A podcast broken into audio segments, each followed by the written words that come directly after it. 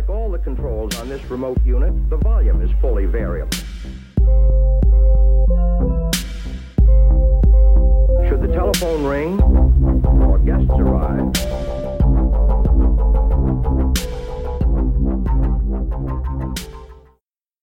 Eh, jag är, har jobbat här på Danderyd sedan 2007 är det va?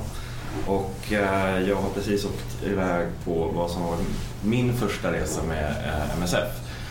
Så Kalle bad mig prata lite om det. Ehm, och det kommer då bara, det är bara den här resan jag har gjort så det är bara det det kommer handla om. Inte någon, jag kommer inte riktigt lyfta blicken från något annat.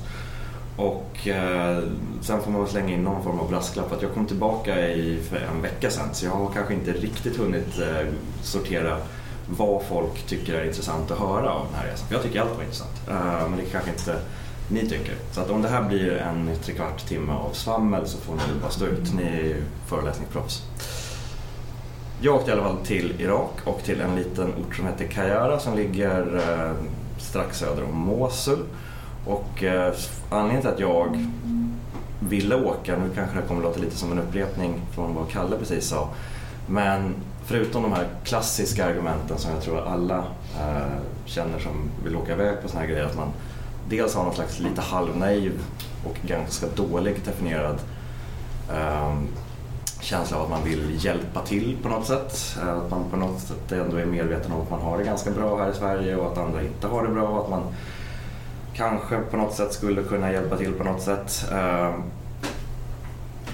det där kan ibland också bara vara en, en slags eh, fuskförklaring som man drar till för att eh, inte avslöja att det man egentligen vill göra är att åka och få en upplevelse i ett u-landsmiljö och se någonting som är helt väsensskilt från det man har hemma men som samtidigt ses under en kort period. Sen åker man tillbaka till sin privilegierade eh, hemmastation när man har fått sett det.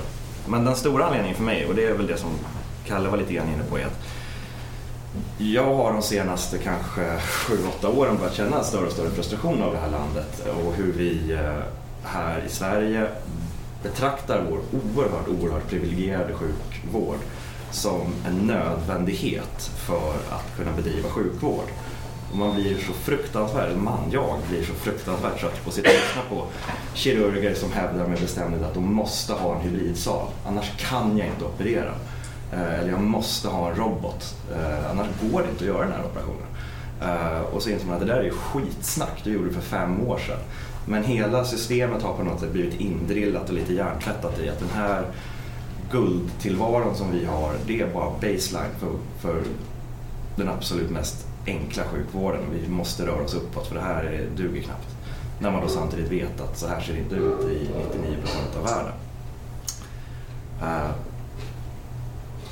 och sen också en känsla av att om jag nu har gått i flera år och börjat känna mig mer och mer och mer, och mer frustrerad över det här så kan man inte längre kanske riktigt se på sin väldigt privilegierade sjukvård med någon större form av uppskattning. Man ser bara de här bortskämda eh, kirurgerna som gnäller över sin hybridsal. De gnälliga anestesiologerna som hävdar att om inte jag har någon slags ultrafiberskåp så går det inte. Det går inte. Eh, Men man är då, känner, då, då kan man ju känna att jag kanske ska bara åka iväg och se, är det så att jag har rätt, alla andra har fel eller är det så att jag kanske också har fel och att sjukvården i de här länderna är katastrofal och eh, ger mer skada än nytta och att folk här i Sverige kanske har rätt. Man kanske måste ha den där roboten för att göra en eh, prostataoperation. Så det var väl egentligen mina eh, främsta anledningar till att åka iväg. Och jag skickades då till Irak, eh, närmare bestämt norra Irak, närmare bestämt staden Kayara som ligger där, ungefär sex mil eh, söder om Mosul. Och eh, när jag eh, fick det här uppdraget eh, så insåg jag att jag kan ju ganska lite om Irak. Vad, vad händer liksom i Irak? De krigar och de har krigat på olika sätt ända sedan jag eh, blev eh, föddes. Eh, men vad gäller saken egentligen? Så att jag tänkte nu får ni en liten rapsodi här av varför de krigar. För jag hade ingen riktigt bra koll på det här. Men då är det faktiskt så att Irak har de var en brittisk koloni efter andra, eh, första världskriget. Eh, britterna ville ha olja och de ville ha enkla transportvägar till Indien så de tog eh, Irak från ottomanerna. Eh, tillsatte en, eh, Ehm, marionettregering med en kung som var från Saudiarabien och hans CV var att han precis innan han blev kung i Irak hade blivit utkastad från Syrien för att han var en ganska dassig kung. Eh, och sen så, eh, som britterna ofta gör när de eh, skapar kolonier, så väljer man ut en minoritet i landet som man gav stora, stora fördelar inom administrationen så att de skulle vara brittiskvänliga. Och här valde man då kanske inte en etisk minoritet utan en religiös minoritet, nämligen sunnimuslimerna. Eh, sen så höll man på i en tio år och reglerade gränser mot Turkiet, gamla Osmanska imperiet, och Syrien som eh, var en fransk koloni. Och det är därför också man kan se att gränsen mellan Irak och Syrien ser ut som en klassisk kolonigräns där de har bara lagt en linjal på kartan och dragit.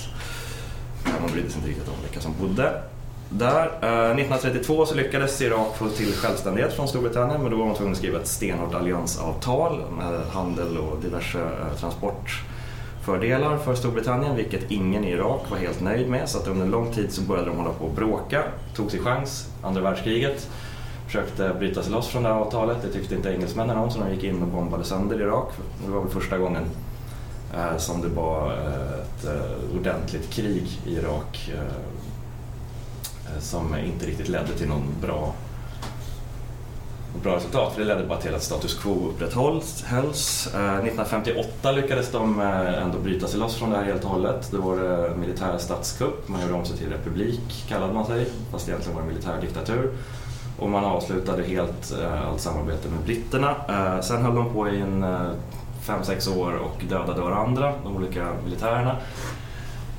1968 så var det en ny revolution. Eh, då tog ett eh, ganska socialistiskt och samtidigt nationalistiskt parti, Baathpartiet, som många kanske känner igen för att det var Saddams stora parti, eh, makten och de drev en väldigt Sovjetvänlig politik och 1968 om man sitter på världens näst största oljereserver och är Sovjetvänlig så kan man räkna med att USA inte kommer att låta den saken bara vara bero. Så att 1979 så var det statskupp och då tog Saddam Hussein makten och det var ganska troligt att USA hade ett finger med i det spelet eftersom Saddam upplevdes som mer västvänlig än, än Baathpartiet i stort.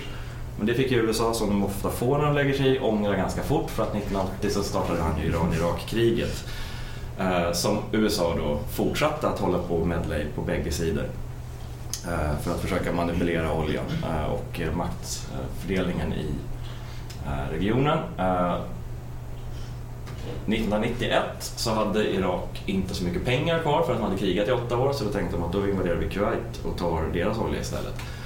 Och eh, då blev det ju, som ni känner igen, ett internationellt krig med FN och USA som gick in och körde ut uh, irakierna från Kuwait. Uh, Saddam satt ju däremot kvar. Uh, och sen så började det här, nu är vi inne i modern tid, att 2003 så invaderade man USA och eh, hade någon slags svepskäl till att de hade massförstörelsevapen, vilket de inte hade.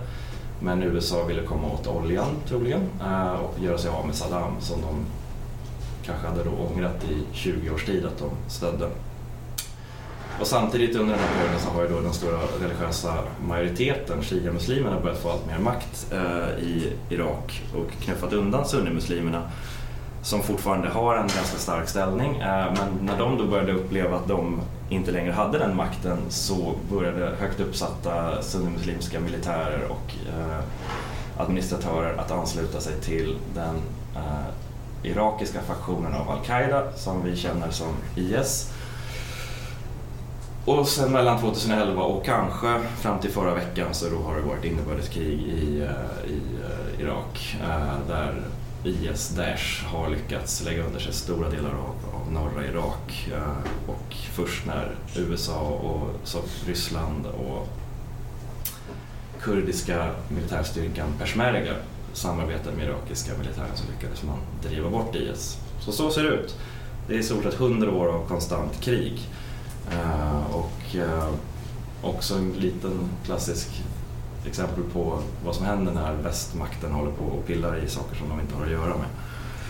Ehm, um, MSF då, de har varit i Irak uh, sedan 2003 och naturligtvis haft olika uppdrag uh, under den här perioden. I dagsläget så har de sitt huvudkontor i Erbil som är huvudstad i den kurdiska delen av Irak. Eh, och det har man därför att det har varit den delen av Irak som har varit eh, mest skyddad under kriget. Den kurdiska delen har ju varit relativt orörd medan den arabiska delen har varit den som har framförallt skjutits sönder. Eh, I just Kayara så öppnade man sjukhus i december 2016. Kayara är en liten, liten håla eh, som eh, har kanske 15-16 000 invånare, eller hade det i alla fall innan. Eh, IS dundrade in där 2014 och ockuperade staden. Eh, och sen blev den återerövrad av eh, av den här allianskoalitionen i augusti 2016. Och anledningen till att man tyckte att det var ett bra ställe att öppna sjukhus på där var därför att det ligger så pass nära Mosul att man kunde enkelt ta emot krigsoffer och tortyroffer och diverse skador. Patienterna hann överleva innan de kom till Kajara. Kajara ligger samtidigt tillräckligt långt bort från Mosul för att man inte skulle behöva vara i absolut livsfara när man jobbade där. Um, och under kriget, det här senaste kriget då, uh, så var det ju framförallt skottskador, explosionsskador, brandskador, tortyr och inhalationsskador som var deras stora uh, artikel. Uh, men sen då i början, mitten på sommaren i år så kördes ju IS utifrån Mosul eh, och sedan dess har det här uppdraget ändrat lite fokus. Det är fortfarande så att man tar emot människor som har råkat trampa på någon mina och sådär. Så att panoramat från under kriget finns ju kvar även om det kanske inte är lika stort. Men nu har fokus även skiftats mot infektionssjukdomar, trafikolyckor, undernäring som är en ganska stor artikel för Irak. Eh, Även om de håller på att kriga i hundra år så har de varit ganska ekonomiskt välmående ända fram till någonstans mitten, slutet av 80-talet. Så att på samma sätt som vi här i Sverige skulle ha jättesvårt att ta undernäring om det började bli en artikel helt plötsligt i Sverige. För vi vet ju inte hur, riktigt hur folk ser ut och hur man beter sig om man är undernärd. Så är irakierna ganska dåliga på det för de, det är liksom en, en eh, sjukdomsgrupp eller vad man kallar det som har blivit successivt mer och mer vanlig, framförallt hos barn. Och sen förstås då även börja starta igång någon form av psykiatrisk eh, omhändertagande för krigsoffer och även sena komplikationer till hastigt gjord och inte särskilt bra gjord krigskirurgi. Eh, precis efter att eh, IS eh, drog ut från eh, Kayara så kan man säga att Kayara ligger i ett område med väldigt stora svavelgruvor och eh, oljefält. Ganska dålig olja men ändå.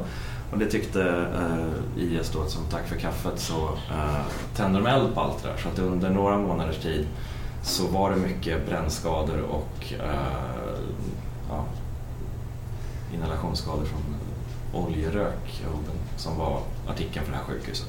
Men de bränderna är släckta nu så att det är framförallt då tra trafikolyckor och andra former av brännskador som är eh, den stora artikeln här det finns ju fortfarande väldigt mycket flyktingläger eller vad det heter när man är, flyr inom sitt eget land som ligger runt om Kayara där folk bor och de lever ju under ganska primitiva förhållanden. Eh, man kokar sin mat på pissiga fotogenkök och man eh, har ingen, inga sanitära möjligheter egentligen. Så att olika former av typ kolera liknande sjukdomar och brännskador när de här fotogenköken exploderar är ganska vanligt förekommande. Att ta sig dit är också en uh, odyssé för att luftrummen över Irak är ju stängda um, på grund av, i nuläget är inte kriget mot IS för det är avslutat men nu är det ju, det gick ju knappt två sekunder från det att IS var utkörda så började ju irakier och kurder uh, trappa igång vad som kanske kan bli ett inbördeskrig i den där regionen. Så att man kan liksom inte enkelt flyga in till Irak utan man måste ta sig först från Paris där MSF har, hade ett av sina huvudkontor till Istanbul, ner till en liten stad i östra Turkiet som heter Mardin. Därifrån åker man förbetälld taxi i fyra timmar ner till gränsen. Från gränsen eh, så byter man när man har passerat förbi alla passkontroller till en MSF-bil som kör en till Erbil. Där får man åka en annan MSF-bil till Mosul och där får man byta en tredje gång till en bil som tar en till Kaira. Det där tog tre dagar. Uh, det är halvvägs till Thailand. Thailand tar väl åtta timmar att åka. Så att, uh, bara att ta sig ner var ju ett äventyr. Men för mig, som, visst jag har rest i fattiga länder och så här, men inte något liknande här förstås. Så var det lite grann som en resa in i mörkrets hjärta. För att man åker ju från Paris, välmående, västerländsk storstad, via då Mardin, en välmående men lite mindre turkisk småstad. Erbil som är en välmående kurdisk stad och hamnar i det där uh, som ju är Mosul. Uh, eller västra Mosul. Uh, den här bilden har ju då jag uppenbarligen inte tagit. och det berodde ju på att man ville inte ta bilder in i Mosul för de har ju militärer på exakt vartenda gathörn som går runt med Kalashnikov och inte vill bli fotade. men det ser ut så här. Det, det är bara en skelettstad uh, och den, det är ingen liten stad heller. De hade tror jag tre miljoner invånare innan uh, kriget bröt ut så det är som två Stockholm där åtminstone halva staden är bara ruinhögar. Men folk flyttar ju tillbaka nu efter kriget och bor i de här husen uh, och försöker karva ut någon slags vardag. så det var, ja, det var fascinerande på olika sätt. Och här är då där vi bodde i Kajara. Eh, ett hus som stod ganska separat från alla andra eh, och det berodde på att just det här huset hade varit eh, ockuperat av, eller använts av IS som någon slags vakttorn eller laglokal. Så att det här huset var helt, helt orört men om man tittade ut från taket så var det liksom bara sprängda hus runt omkring eh, för att de hade velat ha fri sikt runt, runt huset. Och eftersom det var en, en stad som liksom helt har chanserat vad gäller sin infrastruktur så delade man ju bostadsutrymme med strykarhundar och kor eh, och kycklingar och diverse bondgårdsdjur. Ja, äh, här var liv i luckan. Äh, vi var ungefär tio pers som jobbade här tillsammans. Äh, från MSF. Eh, så sjukhuset drevs av till största delen lokal personal med överinseende från, från oss. Eh, och när man bara är tio pers så blir det liksom så en person på varje plats. Där har vi akutläkare som skulle driva akuten, eh, den medicinskt ledningsansvarige, administratöransvarige, psykiatriansvarige och logistiker. Och jag som anestesiolog. Här bodde man ett rum som hade den stora fördelen att det var precis lika varmt eller kallt inne i det där rummet som det var utomhus. Så det var svinvarmt på dagarna och iskallt på nätterna. Och här är sjukhuset uh, som ju då var 20 baracker uppslängda på en uh, gammal kaserngård. Det hade varit någon militäranläggning under Saddam Husseins tid. Sen hade det varit uh, ja, lite blandade grejer under det att IS var där. Jag tror de framförallt hade använt det som lagerlokal. Men nu är det ett sjukhus där barackerna var själva sjukhuset och stenanläggningarna runt omkring var uh, administrativa byggnader och sterilcentral. Uh, så att man försökte klämma in allt här. Vi hade... Här var akuten, där var IVA, där var operation, och sen så hade man en kvinnlig, en barnavdelning, en avdelning för undernäring och en manlig avdelning här. Och det var sjukhuset. Um, och sen hade man ett tält för, uh, som var en slags isoleringsenhet um, för infektionssjukdomar eller bara som extra utrymme om sjukhuset i övrigt var fullt. Men det var, stod tomt i stort sett hela större delen av tiden faktiskt. Eh, så här såg det ut inifrån, där patienterna fick ligga. Men större delen av tiden så var just den här delen bara bebodd av två små tjejer eh, som hade någon form av meningitsjuka. Eh, men de blev friska ganska fort men de bodde ungefär sju mil ute i stenöknen så att de fick ju vara kvar tills de var helt friska. Och det var ungefär de som bodde i det där tältet. Här var akuten och läkarexpeditionen på akuten som stod mitt i akuten. Ehm, så där har vi Rosella då som var den, eh, den utländska eh, akutläkaren och eh, två lokala läkare. Ehm, de flesta läkarna som jobbade på det här sjukhuset förutom kirurgerna och narkosläkarna var väldigt unga. Och det var typ deras motsvarighet. Jag tror att hon till vänster, Zeinab var 25. Uh, eh, det här att jobba ett år på MSF-sjukhus, det var för dem ungefär som att göra narkosåret. Uh, de, de blev färdiga med läkarutbildningen och sen så jobbade de ett år innan de kunde få gå vidare i karriären. Uh, dataskärmen där bakom var röntgenavdelningen. De hade en slätröntgen så att man kunde ju röntga lungor och fötter och armar och ben men du fick ju tolka bilderna själv. Eh, så att eh, det var inte alltid givet att en röntgen gav något mer svar som var du som skulle hitta det svaret. Jag, jag vet inte hur ni är, jag är ganska dålig på att tolka röntgenbilder om det inte är någon knallpneumoni eller total fraktur. Ehm, um, sjukhuset hade en ambulans. Den ambulansen stod så här i fem veckors tid avställd för att den var trasig. Um, och um, ville man skicka någon patient till något annat sjukhus eh, för att det här sjukhuset har ju då, som ni kanske fattar, inte fullvärdiga resurser. Eh, så kom någon in med någon neurokirurgisk åkomma eller något liknande så kunde man skicka dem till Mosul har, jag ska inte säga att det är fungerande sjukhus, men de har sjukhus som officiellt har större kapaciteter än vad ett sånt här litet sjukhus har. Då var man tvungen att använda sig av eh, den lokala hälsovårdsmyndighetens ambulanser och de var jag tror faktiskt att den där ambulansen oavsett om de hade kört på tre hjul hade funkat bättre än deras för det var, de var riktigt rangliga. Uh, och det var ju nästan större fara att skjutsa någon i ambulans än att bara låta dem ligga på marken. De var livsfarliga. Här är operationssalen. Uh, eh, vi hade en opsal. Um, ehm, och den ser ju både, det ser både bra och dåligt ut. Man har ju ventilator. Ehm, enkel brittisk tillverkad ventilator vars fokus mest hade varit att den skulle vara hållbar. Så att den där kunde man nog tappa den 15 våningen och den funkade fortfarande. Uh, men den var också... Ja, den var inte så fullvärdig om man säger så. Den hade ett läge och det var volymkontroll. och Det var det den körde på.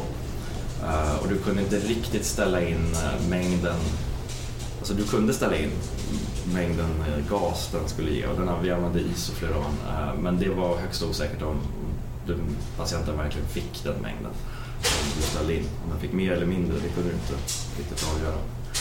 Och använde inte syrgas utan syrgaskoncentrator istället just för att undvika syrgastuber, för det är dyrt att, eh, och det är logistiskt krångligt att hålla på med någon som kommer en gång i veckan med nya syrgastuber och det är en brandfara och en explosionsfara så att, eh, därför så kör man så mycket det bara går med syrgaskoncentratorer. Och sen har man en liten kommod och man har ett litet lager i det där eh, skåpet inne i hörnet. Så det ser bra ut. Samtidigt så om man tittar ovanför det där skåpet inne i hörnet så ser man att där till exempel har du en fläkt till utsidan Eh, så att eh, den hygieniska standarden var kanske inte som här i Sverige. Den var ju naturligtvis mycket, mycket bättre än vad, vad många andra sjukhus i den här regionen kan erbjuda. Men, men eh, det kom ju in till exempel djur via den här fläkten vilket innebär att man fick ha flugpapper överallt inne i folksalen för att de inte skulle landa i sår. Um, vad gjorde man där nu då? Ja, um, som jag sa, jag var ensam anestesiolog från MSF. Sen fanns det tre inhemska anestesiologer som delade på en tjänst. Så det var alltid två anestesiologer i tjänst. Eh, deras eh, medicinska kompetens var väl blandad. Eh, det var någon som var ganska bra.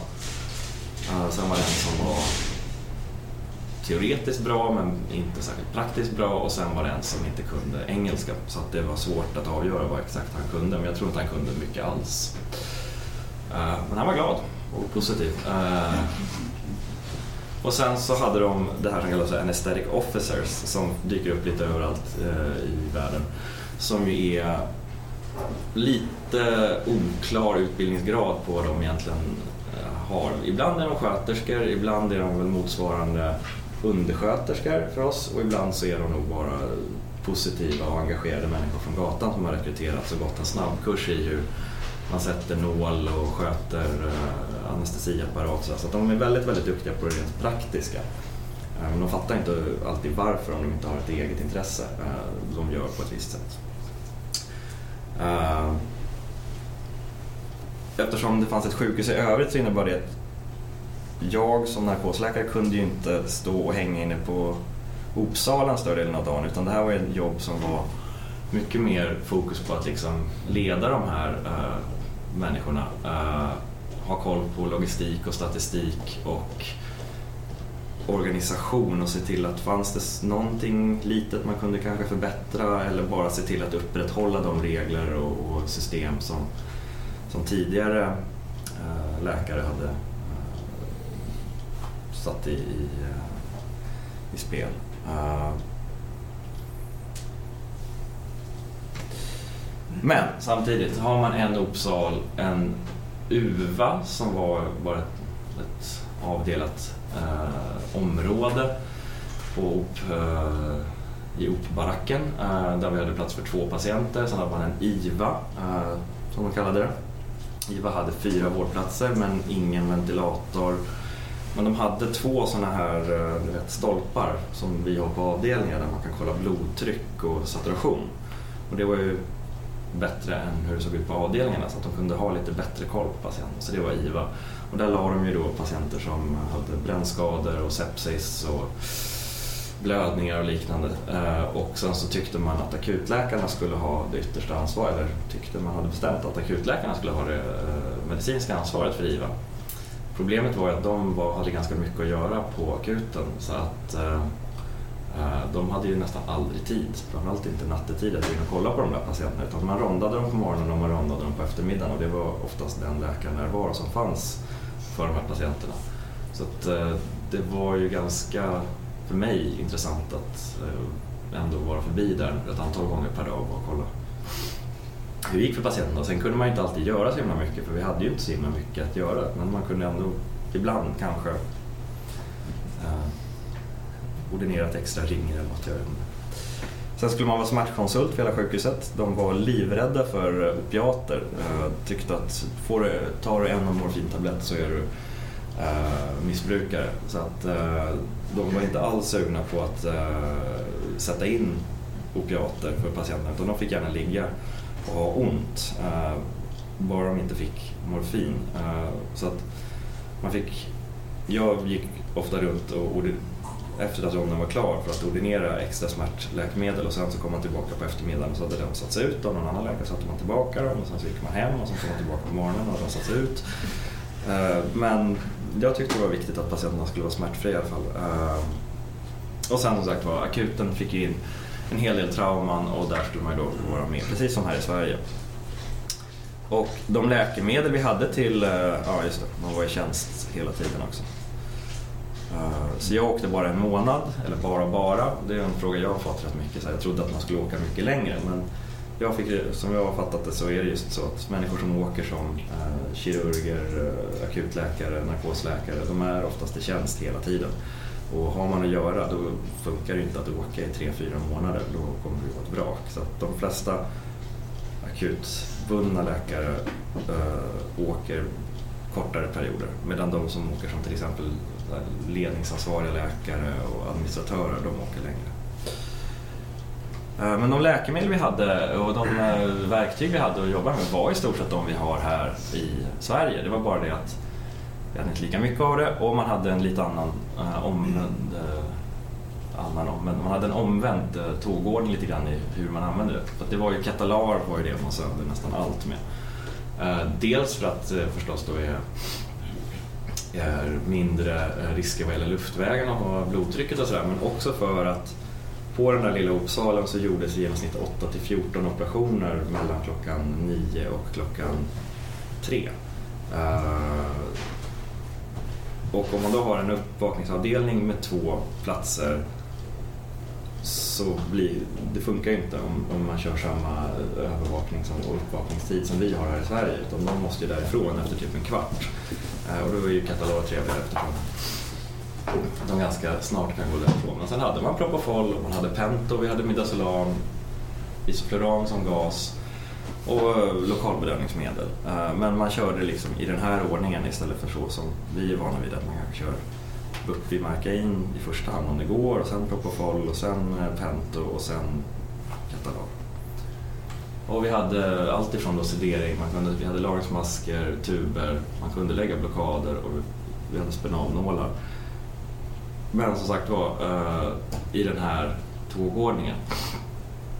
Spinaler ville de ju jättegärna lära sig lägga och bli bättre på. De kunde, men de ville bli bättre. Men det var ju bara det rent praktiska de tyckte var kul. Som en jag ställde Eh, de, de hade ju ingen riktig koll på det här att jaha, måste man ha övervakning vad gäller eh, urinblåsor och ha koll på att patienten inte försöker gå upp och stå på benen och sådär. Det tyckte de var onödigt. Eh, eller kunde ibland inte riktigt förstå varför man tjatade om. Eh, så att spinal las kanske någon gång. Annars var det sedering eller intubering som var de stora artiklarna. Men vi hade bara en ventilator eh, och det var den som var inne på Uppsala. Eh, och det gör ju också att man kanske inte ville ge så himla mycket eh, andningsdeprimerande sömnmedel till patienterna eftersom de sen skickades tillbaka till avdelningen efter 10-15 minuter.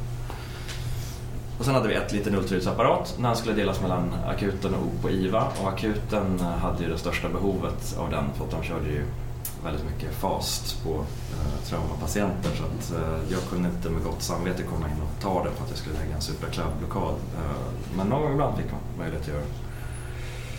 Ja, sitta i möten som sagt var, det var en ganska stor artikel eh, inomhus, utomhus med MSF-personal och med övriga läkargrupper.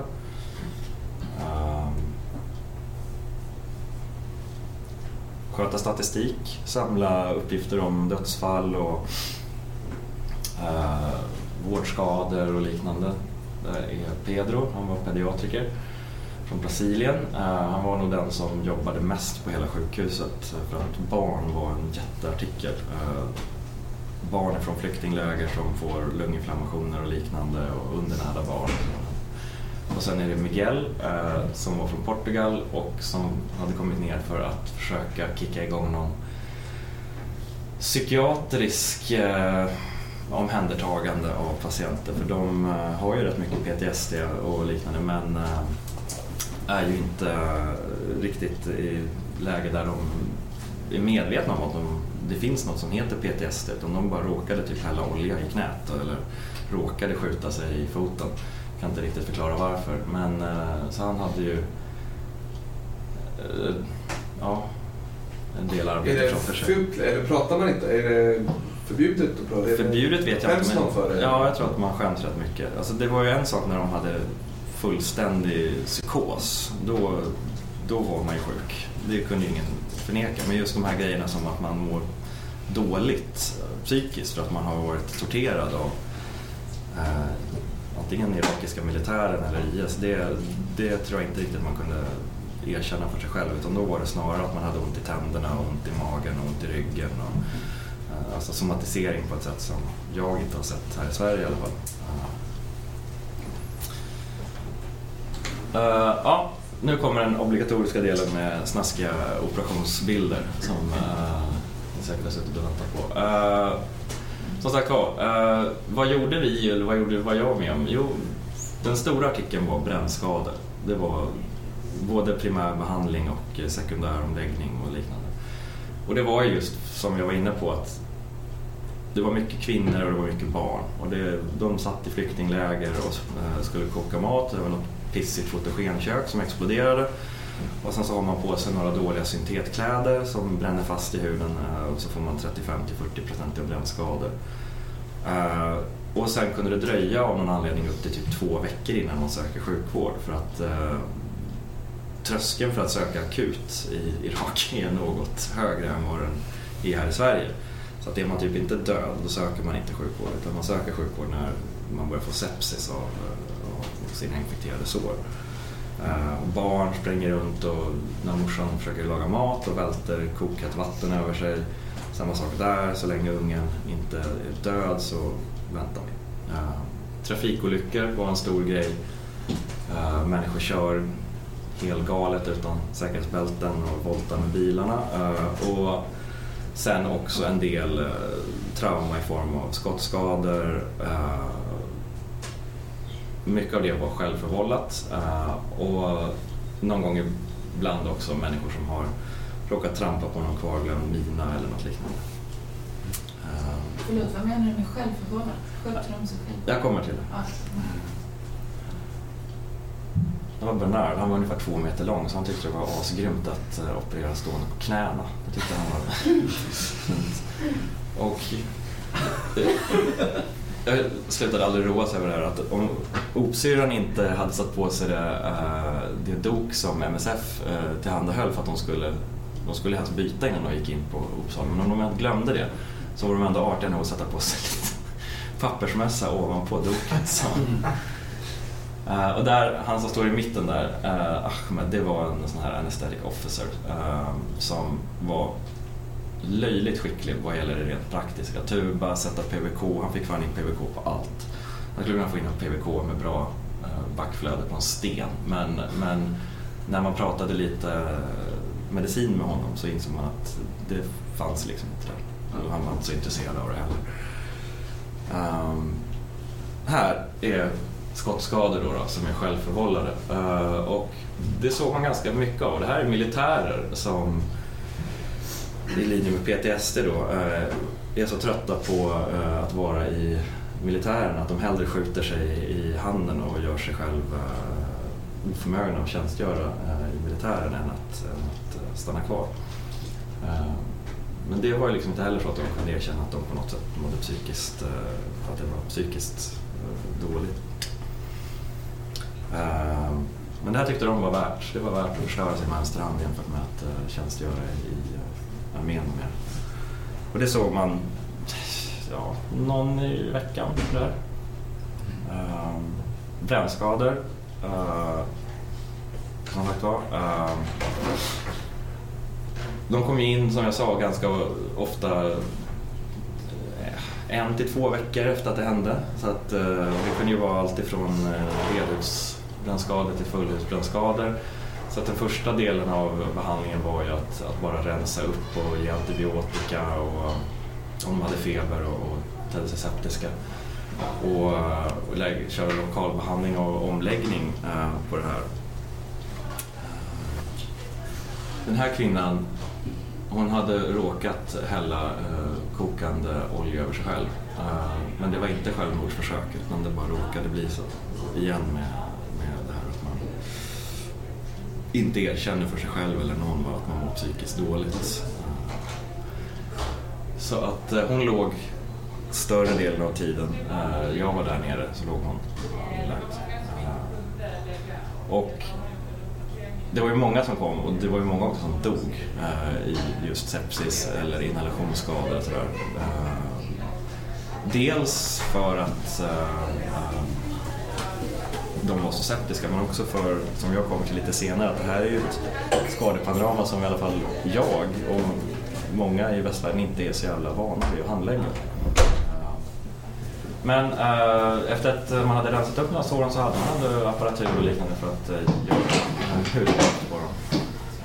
Eh, och de la gärna hudgraft efter ett tag eh, och ibland så funkar det, ibland funkar det inte. Som sagt var, den här eh, miljön är ju betydligt, betydligt renare än många sjukhus i den här regionen men det är ju ändå inte vad vi kallar en, en ren miljö så det var inte alltid de här eh, grafterna fastnade och växte fast på ett bra sätt.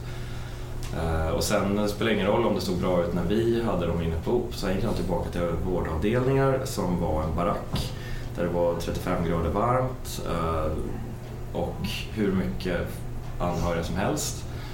Eh, framförallt om folk kom från orten så tenderade anhöriga att gärna vilja bo på sjukhuset och sen så kördes de ut av sköterskorna eh, och sen så smög de sig successivt tillbaka in igen. Så att, eh, det var inte någon det var ju väldigt mycket folk inne på avdelningarna. Eh, dessutom så i linje med att det var väldigt mycket strykardjur och liknande så fanns det ju katter och liknande som sprang runt inne på avdelningarna om man inte körde ut dem. Eh, så att, eh, det var inte direkt förvånande att det blev infektioner i de här eh, och att de inte funkade. Här var en amputation av en vänsterarm. Jag fattar inte hur jag har tagit den här vinkeln men det är en vänsterarm. Elektriker som råkat bränna sönder hela armen när han tog någon ojordad ledning. Där är hans andra arm. Tummen rök senare också. Och sen en annan artikel som var eh, ganska vanligt förekommande. Det här är tortyroffer. Eh, men inte IS utan irakiska militären som har hållit en människa fastkedjad i någon fängelsehåla. Eh, och det var ju någonting som man såg ganska mycket för att IS körde ju rätt mycket så att de dundrade in i en stad och sen tog de folk mer eller mindre gisslan i den här staden och tvingade dem att kämpa för IS annars skjuter vi dig eller dina barn. Och sen så tvingades ju folk kämpa för IS. Och sen när irakiska militären kom tillbaka störtande så flydde ju IS och lämnade kvar de här människorna som irakiska militären nu har slängt i fängelse och stämplat som terrorister och torterar. Så att de kom in med jämna mellanrum, eh, ganska ordentligt undernärda och med skabb och diverse kvalster och eh, sådana här skador. Så det här var ett brödrapar som bägge hade sådana här nekrotiska sår för att de säkert har suttit fastkedjade i, veckor. Um, det förekom också men um, vi, det stannade, avbröts um, av MSF när de började komma på det att irakiska militären eh, gjorde som så att när de hade eh, en fånge som var på väg att dö på grund av eh, misshandel eller tortyr eller undernäring, då packade man in dem i en ambulans och skickade dem till MSF eller andra hjälporganisationer och sen så dog de på sjukhuset. Eh, då behövde man inte logga det och det behövde liksom inte uppmärksammas av Amnesty eller, eller FN eller något liknande. Att det de facto var fängelsevistelsen som dödat dem. Och sen hämtade man kropparna ruskigt fort efter att patienten var avliden. Så att det aldrig skulle kunna bli någon obduktion eller att man ens skulle kunna göra en yttre besiktning och dokumentera eh, skador. Um, och när det här stoppades av MS, MSF ganska fort när de började upptäcka det för att eh, eskalerade tydligen, det hade börjat eskalera precis innan jag kom in ner dit och sen så eskalerade det ganska ordentligt under en period och sen så stoppade man det. Och det är ju en jättesvår avvägning. Du har ändå människor som är svårt sjuka i behov av sjukvård. Men, och MSF kanske kan hjälpa dem. Men samtidigt är de ditskickade för att dö, för att mörka liksom, internationell tortyr.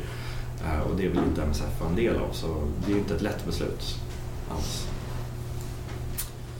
Svårigheterna med det här uppdraget för mig var ju då, just som vi pratade om, mycket av de här dödsfallen man såg var ju sådana här dödsfall som här i Sverige hade de aldrig dött. Och det handlar inte om att det var en hybridsal eh, som behövdes eller en robot eh, eller något liknande utan det handlar om typ lite renare miljöer eller eh, någon form av antibiotika som vi inte hade.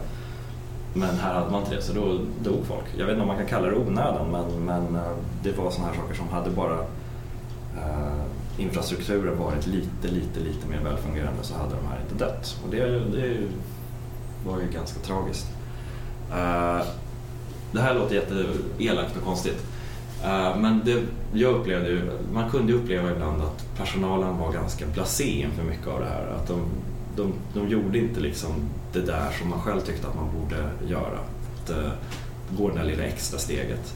Men det är ju förstås så att har du levt i en krigszon i hela ditt liv och aldrig sett ett system hålla, allting raseras som byggs upp. och ingenting som fungerar får vara kvar. Så tror jag att man, man tappar ju bara som en försvarsmekanism eh, orken att, att engagera sig i saker och ting. Eh, de jobbade ju på om man, om man pushade på dem men, men just den här viljan att vi gör det här för att jag brinner för att rädda den här människan, den fanns inte och det tror jag bara var en ren, ren eh, följd av den politiska situationen som har rått i det landet sedan 1920. Uh, och sen var det det här som jag var lite inne på också att skadepanoramat där nere var ju till viss del nytt och ibland så var det ju något som jag aldrig har jobbat med tidigare, till exempel brännskador. Vem kan brännskador? Jag kan inte. Uh, och att ta sådana här saker som att patienten är låg i blodtryck, det kan man ju fixa men, men sådana här saker som infektionsskydd, uh, inhalationsskydd, sådana där grejer har ju inte jag i ryggmärgen klart att det finns protokoll som MSF och Röda Korset och liknande har skrivit och de kan man ju sitta och läsa men, men många gånger så krävs det att man har det här som någon slags fingertoppskänsla för att man ska ligga i framkant och vara på hugget och det är ju, var ju definitivt inte jag och nog ingen som åkte ner samtidigt som jag där. Vilket gjorde att de kanske blev sjukare än vad de hade behövt bli. Eh, eller han bli sjukare. Mycket, mycket multitrauma som sagt. Det har man ju sett eh, i form av trauma men man har ju inte sett det här på samma sätt tre bilar voltar samtidigt och det kommer in eh, människor med tarmarna utanför buken så ofta. I alla fall har inte jag det.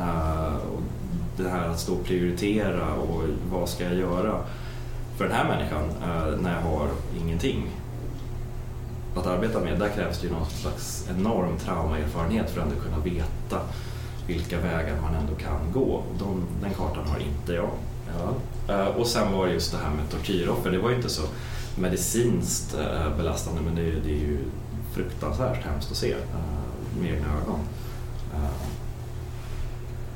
Och sen fanns det ju till viss del kulturella aspekter. Det var inte så himla hårt. Man skulle inte skaka hand eller på något sätt ta på kvinnliga eh, kollegor och vice versa för kvinnor fick inte ta på män. Eh, och det var ungefär det. Eh, enda eh, det övriga som skedde på jobbet som jag upplevde som annorlunda var just att bland män så var det jättevanligt att man hälsar på varandra, inklusive läkare på patienter och eh, med städaren genom att man ger varandra typ tre, fyra ordentliga jävla kindpussar. Vilket som eh, svensk känns skitjobbigt. Eh, och att eh, någon invaderar personliga space. Ehm, den enda gången eh, den här liksom kulturella på något sätt gjorde att jag kände mig eh, lite lost var i eh, det här med att de skjuter i luften hela tiden när det ska firas eller sörjas. Eh, och det lärde man sig ganska snabbt höra om det var bara någon som stod och sköt eh, i luften. Och, så att det brydde man sig inte så mycket om. Men det var någon dag det stormade in ett helt kortege av svartmålade pickups med irakiska flaggor hängandes över det. Och de bara sköt i luften i tre, fyra timmar. De åkte runt i stan och sköt och det lät inte som att man bara skjuter lite så här skottsalvor i luften utan det var verkligen först skjuter någon och sen så blir det tyst och sen skjuter någon tillbaka. Och de såg ju som sagt var allt annat än, än, eh, glada ut när de rullade in. Så till slut var man ändå tvungen att fråga någon, någon läkare där vad fan är det som händer? Nej, nej, men då var det bara begravning. Och då skjuter man extra mycket eh, i luften. Så att det var ju liksom inte farligt på det sättet. Eh, det var, inte, det var liksom ingenting som känns svårt rent kulturellt. De kvinnliga läkarna, jag vet inte om ni tänkte på det på bilderna, de hade ju inte slöja på sig. Eh, man behövde som kvinna sätta på sig slöja när man rörde sig utanför sjukhuset. Men det räckte med att man typ slängde på något bara på den nedre delen av håret. Eh, Däremot så fort man var på sjukhusområdet så fick man ta av den om man ville. Och det var ingen som verkade på något sätt vara provocerad. Och de positiva aspekterna med det här uppdraget, och nu kommer det bli en riktig floskelvals. Eh, floskelvals, ehm, men självklart, det var ju... Jag fick precis det perspektivet jag kände att jag ville ha. Jag, det går att göra jättemycket. Eh, Vi lever en exceptionellt bortskämd tillvaro här i Sverige och eh, vi ska vara medvetna om det. Eh, för det här är inte någon standardsjukvård som vi bedriver, det här är superlyxsjukvård som, som få på jorden har eh, tillgång till och det går att göra jätte, jättemycket utan den här jävla hybridsalen eller robotsalen. Det är fan, men samtidigt också, så det var ju en bekräftelse på att jo men jag hade nog rätt i min känsla. Men den är jävligt nice att ha. Den kan göra väldigt, väldigt mycket bra. Eh, som, så att det är fantastiskt att vi har den. Eh, och att vi kan köra MR mitt i natten och att vi har MR och att vi har en datortomografi och sådana saker. Det är precis det man, eller vad jag tror många åker med sådana här organisationer för att få och det får man. Eh, och som sagt var, det är fantastiskt lärorikt och utvecklande även om det är fruktansvärt tragiskt. Och man får som sagt ett minne för livet. Otroligt trevliga människor eh, som alltid ska hålla på och bjuda på presenter och mat och liksom uppmärksamhet. Det enda man behöver bjuda tillbaka med är att ständigt och ständigt och ständigt och jämt posera för foton med dem. Ehm, och sista dagen jag var där så var det dessutom ett årsfirande för det här sjukhusets projekt. Så då körde man eh, irakiskt. Eh, då var det engagemang kan jag säga. Jäklar, de hade printat hela sjukhuset och om det kom några patienter så fick de fan vänta medan det dansades folkdans. Eh, eh, så. Klart. Frågor? Så du uppfattar du att det ändå är stridande fraktioner eh, fram till nyligen, märkte du att patienter särbehandlades för beroende på vilken sida de kom ifrån? Nej, men som sagt var, personalen på sjukhuset pratade arabiska. Eh, det var bara läkarna som var riktigt bra på engelska. Och någon enstaka annan människa, sköterska, kunde engelska. Eh, så att jag, man var ju beroende av tolkar och man, oftast så var de upptagna eh, och då var det läkarna som tolkade och de tolkade ju många gånger vad de ville tolka. Nej, patienten har inte ont och nej, det här går bra. Så att det kan ju ha funnits jättemycket subtila saker som man missade. Men, men jag fick aldrig liksom någon känsla för att det eh, särbehandlades folk. Och de här tortyroffren som kom in med jämna mellanrum, det var ju inte så att de blev satta i, i källare och blev dåligt behandlade. De blev ju behandlade som precis vilken patient som helst. Så att det, inom MSFs sjukhus så verkade det ändå som att det fanns en bra jämlikhet. Mm. Vad har du gjort för kurser eller förberedelser och sånt där? Ja, två kurser eh, skickades jag på. Dels en sån här förberedande kurs som kallas för PPD som står för Preparation for Primary Departure som är en kurs man ska gå helst och det är ju då en en veckas kurs eh, där folk från hela världen som ska åka i olika positioner. Det är alltid från sköterskor till logistiker till psykologer till eh, alla ska träffas för att få bara en slags primär presentation av MSF och vad man kan förvänta sig och sen så eh, åkte jag på en kombinerad gynekolog, kirurgi och anestesikongress just för att få lite mer fördjupat information om vad kommer du att göra för arbete och vad kan du få räkna med att använda för läkemedel och sådär. Eh, det är ganska lite men återigen, sjukvårdspersonal som ska åka eh, en månad behöver nog egentligen inte så mycket mer. Däremot de här som ska åka ett halvår som logistiker, de behöver mycket, mycket mer kurser. Eh, för. Ja, vad var du först? Ja, jag tänkte bara fråga. Dels eh, två saker. Dels hur, hur, var det, hur funkar det på avdelningen med typ sköterskor eller så? Vad, hur, hur var standarden där med, med medicin? Och sen undrar jag också hur, hur det funkar med förlossningar. Sköttes de där eller var det så hemma? Ja, bra fråga. Uh, sköterskorna var... De hade ju sju avdelningsbundna sköterskor och eh, eh, de var väl bra men du var, de gjorde ju återigen ingenting spontant. Att du, var tvungen, du var tvungen att verkligen ge dem tydliga ordinationer. Att jag vill att du ska göra det här och det här och det här och det här och det här. Och då gjorde de det. Men om man sa lite så här, du kan väl ha lite koll på, på vakenhetsgraden men gav liksom ingen tydligare liksom, exakt hur vill du att jag ska göra det, då blev det ju hellre att de surfade på sina iPhone istället. Vad var andra frågan? Förlossningar? Ja. Uh, jag missade jag det. Det var ju bra att du... Nej.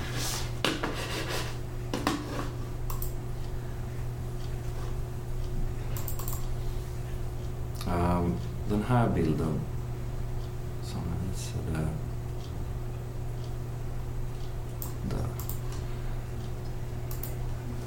Det där huset som är uppe i, högst upp i bild, det där är Kajaras gamla sjukhus som när IS drog sig ur staden sprängde de det sönder och samman så att de har ingen alla våningsplan är helt urblåsta utom längst ner där de hade sin lilla akut. Den är också förstörd, eh, men också sin förlossning.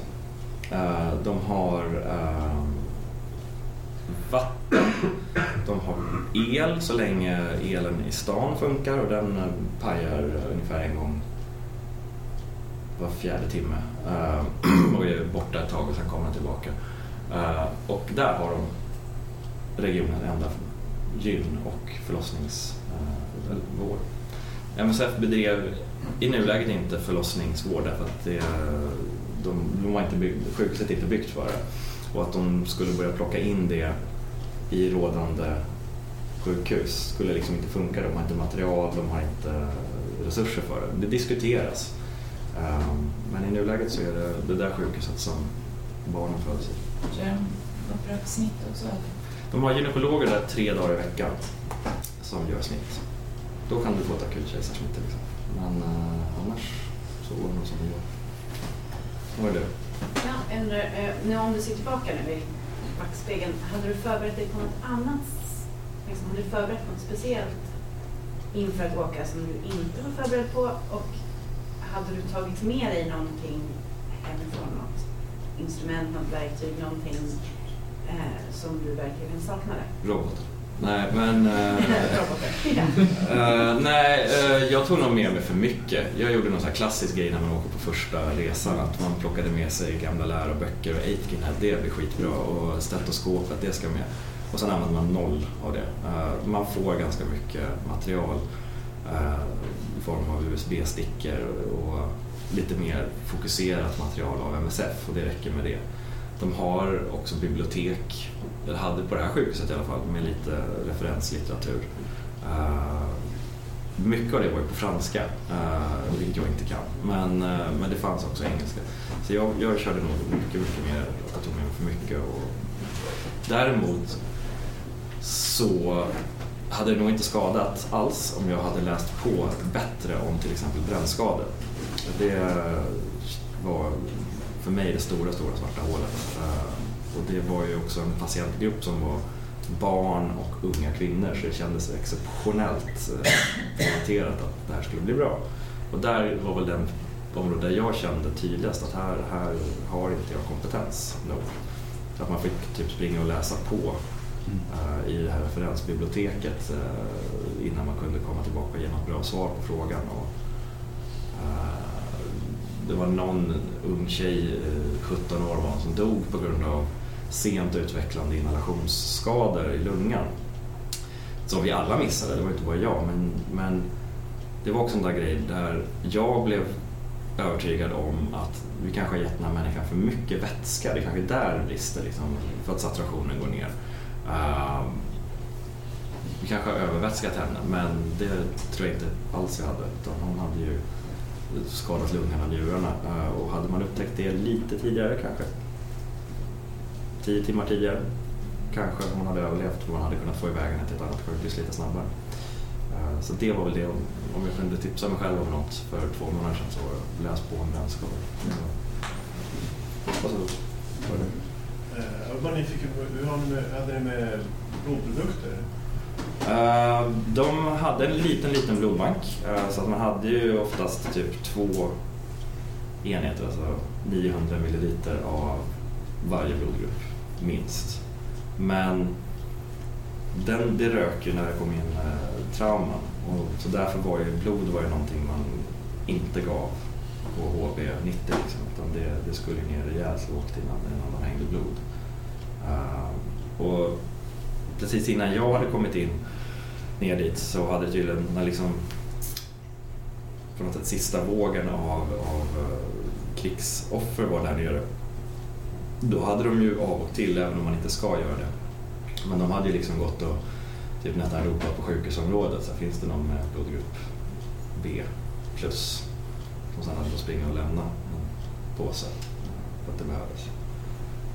Av de anställda, inte de patienterna. utan de anställda. Mm. Hur var det med ladd? Mm. Vi kunde ta tre prover. Man kunde ta HB eh, som var i den här, alltså, inte 90 utan 9,0 skala och sen kunde vi ta blodsocker som var i gram per deciliter så att man fick typ ett sockervärde på 300. Vad ska det vara för insulinordination på det? Eh, så det fick man ju lära sig. Och sen kunde man ta venös blodgas men där var kassetterna oerhört dåligt tillförlitliga så att ibland fick man värden som kändes att det här kan ju vara adekvat och ibland fick man kalium 11 och natrium 2. Eh, och det var de prover man kunde ta. Vilket ju gjorde infektionsdiagnostik uh, ganska svår. Det var ju också en sån här grej som man fick slag på fingret, att man inser hur mycket av sin kunskap som man faktiskt har externaliserat till sin uh, telefon till exempel. Eh, för wifi var ju pissdåligt eh, på yrkesområdet så att det var inte så att man lite snabbt kunde bara kolla någonting utan man var tvungen att springa iväg en ganska lång stund för att kolla upp något i telefonen. Och det var ganska mycket kunskap där man stod där, men det här har jag kunnat. Det här har jag vetat om, men jag har helt glömt bort det. Eh, och där man kände att lathet av att jobba i ett sånt här välordnat system har skadat ens kompetens till stor del. Direkt mikroskoperade ni också saker, eller hur, hur eh, alltså parasiter, sådana saker? Fanns det någon som är infektionskompetens? Eller hur? Nej, då fick man skicka till Bagdad eh, om man eh, skulle få eh, odlingssvar. eller något. Så fick man svar efter tre, fyra dagar. Så det var inte månad eller vecka. Men, Nej, Mm. ja. Hur var det med dokumentation och journalföring? Ja, Man förde ju, eh, de skulle göra checklistor eh, på samma sätt som våra narkossköterskor startar igång eh, apparaten varje dag och ska kolla att allt funkar. De, eh, vi hade ju, man körde anestesijournaler och sen så... Eh, vad gjorde du? Papper och penna antar jag. Papper och penna. Eh, och eh, de hade ju pappersjournaler överlag. Sen Som de kom in med? Nej, som de fick, som sattes i, i ordning för när man kom in. Eh, Och var man återbesökare så kunde man ju leta fram den gamla journalen. Eh, Men som klassiskt och som narkosläkare så undgick man ju ganska mycket av det här. Så det enda som man hade liksom, mycket av det där sköttes ju av anesthetic officers eller narkosläkaren som var lokal. Det enda som egentligen ålåg mig eh, var att eh, dels skulle jag dokumentera alla dödsfall som skedde på OP eh, eller som var direkt relaterade till en operation för att kunna, det ville huvudkontoret i Paris ha reda på som ett slags kvalitetsmått på verksamheten. Och sen så skulle man en gång i månaden göra en liten så här audit och gå runt på avdelningen och kolla att patienterna hade bra smärtlindring och att de hade fått adekvat smärtlindring dagen innan eh, och att, de, eh, att man följde upp vitalparametrar på patienterna på ett eh, adekvat sätt. Och det var det. Så att de andra läkarna som var mer liksom ansvariga för ett större projekt, typ Pedro som var då ansvarig för pediatrikprojektet, han behövde dokumentera så oerhört mycket mer. Som vanligt så kommer man undan med betydligt mindre som narkosläkare. Vill du åka in? Ja, jättegärna. Det var väldigt, väldigt eh, stimulerande. Jag tror jag hade tur också som kom till ett bra projekt som hade fungerat under en längre period och sådär. Men det här var, var riktigt stimulerande och det kommer säkert Henrik att prata om senare. Eh, vilket jag också så att eh, liksom man får lite perspektiv på det här. att Det här är, det här är fantastiskt kul. Har du varit hemma en månad sedan? En vecka. En vecka? Ja. Så du har inte kunnat jobba så mycket hemma där? Nej, det har jag väl jobbat. Men en vecka på dagkirurgen här. Eh, Men det, det har liksom funkat bra. Det, man får ju vara på något sätt beredd på vad man åker ner och ser och att det här är inte, det, inte, det här är inte som hemma i Sverige. Det är inte patienternas i Sveriges fel att vi har det bra, så de kan man inte vara sura på. Liksom. Jag vet inte, vissa har beskrivit, alltså du får en känsla när du kommer hem att och börjar jobba här igen, att de håller på liksom. Lite problem. Det är inte den. Än så länge har inte det slagit till, men som sagt var, jag har varit hemma en vecka. Jag kanske ligger och kastar saker i golvet nästa vecka. Men, eh, men än så länge har det känts bra. Ja. Du? Vad har NSF för krav på dig? När du ska åka, alltså som när man är narkosläkare, behöver man x antal år som erfarenhet? Hur dokumenterar du vad, eller vad ställer man för krav på dig? Där du anmäler dig via deras hemsida. Eh, Och eh, sen får de göra, och sen så kommer du ska göra intervjuer och rollspel och så här. Eh, Men är du färdig narkosläkare så ska du ju kunna, kunna jobbet. Eh, Det var väl det krav. det- Jag har inte fått någon sån här, bam, det här är våra krav på dig.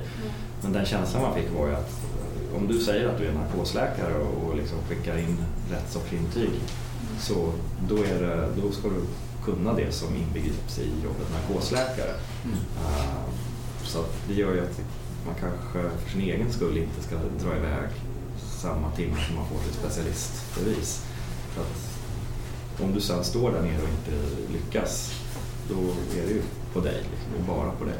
Eh, Ja, sist, ska vi ta sista frågan eller? För det är fika eller ska vi köra på? Ja, vi har 35 minuters fika, det är gott om tid. Kommer du att ändra din praxis i något avseende hemma i Sverige? Göra någonting på något annat sätt? Eller skriva om något PM som är helt galet? Sagt. Nej, alltså inte baserat på det här, det tror jag inte. För att alltså, situationen där nere är ju, är ju helt väsensskild.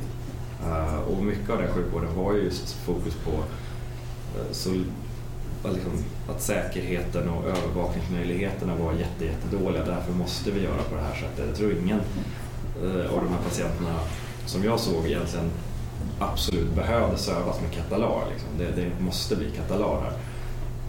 Men det blev det för att vi har inga övervakningsmöjligheter egentligen. Eh, De hade lika gärna kunnat sövas med lagringsmask. Så det är ju, eh, och rondförfarandet och sådär är ju överlag bättre här i Sverige för att vi har tillgång till 97 000 blodprover och röntgenundersökningar och där var det mycket, mycket mer bara att falla tillbaka på folks kliniska blick och, och känsla. Så att, nej, däremot som sagt var så det är ju samma sak som när man som ST-läkare åker iväg och randlar sig och gör saker som är ett steg över det man är van vid. Att man, när man sen kommer tillbaka kanske inte känner sig lika stressad eller oroad över saker. Typ att har man sett att någon kan ha sepsis och 35-procentiga brännskador men klarar sig med en blå nål. Då kanske den där eh, fyrluvans CVK, det är väl bra att den kommer in. Men det är liksom inte något man måste med stress och panik få in på en gång. Har man en PVK går det bra. Nästan alltid.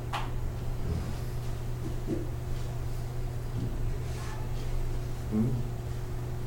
Fika, det står där ute. 10.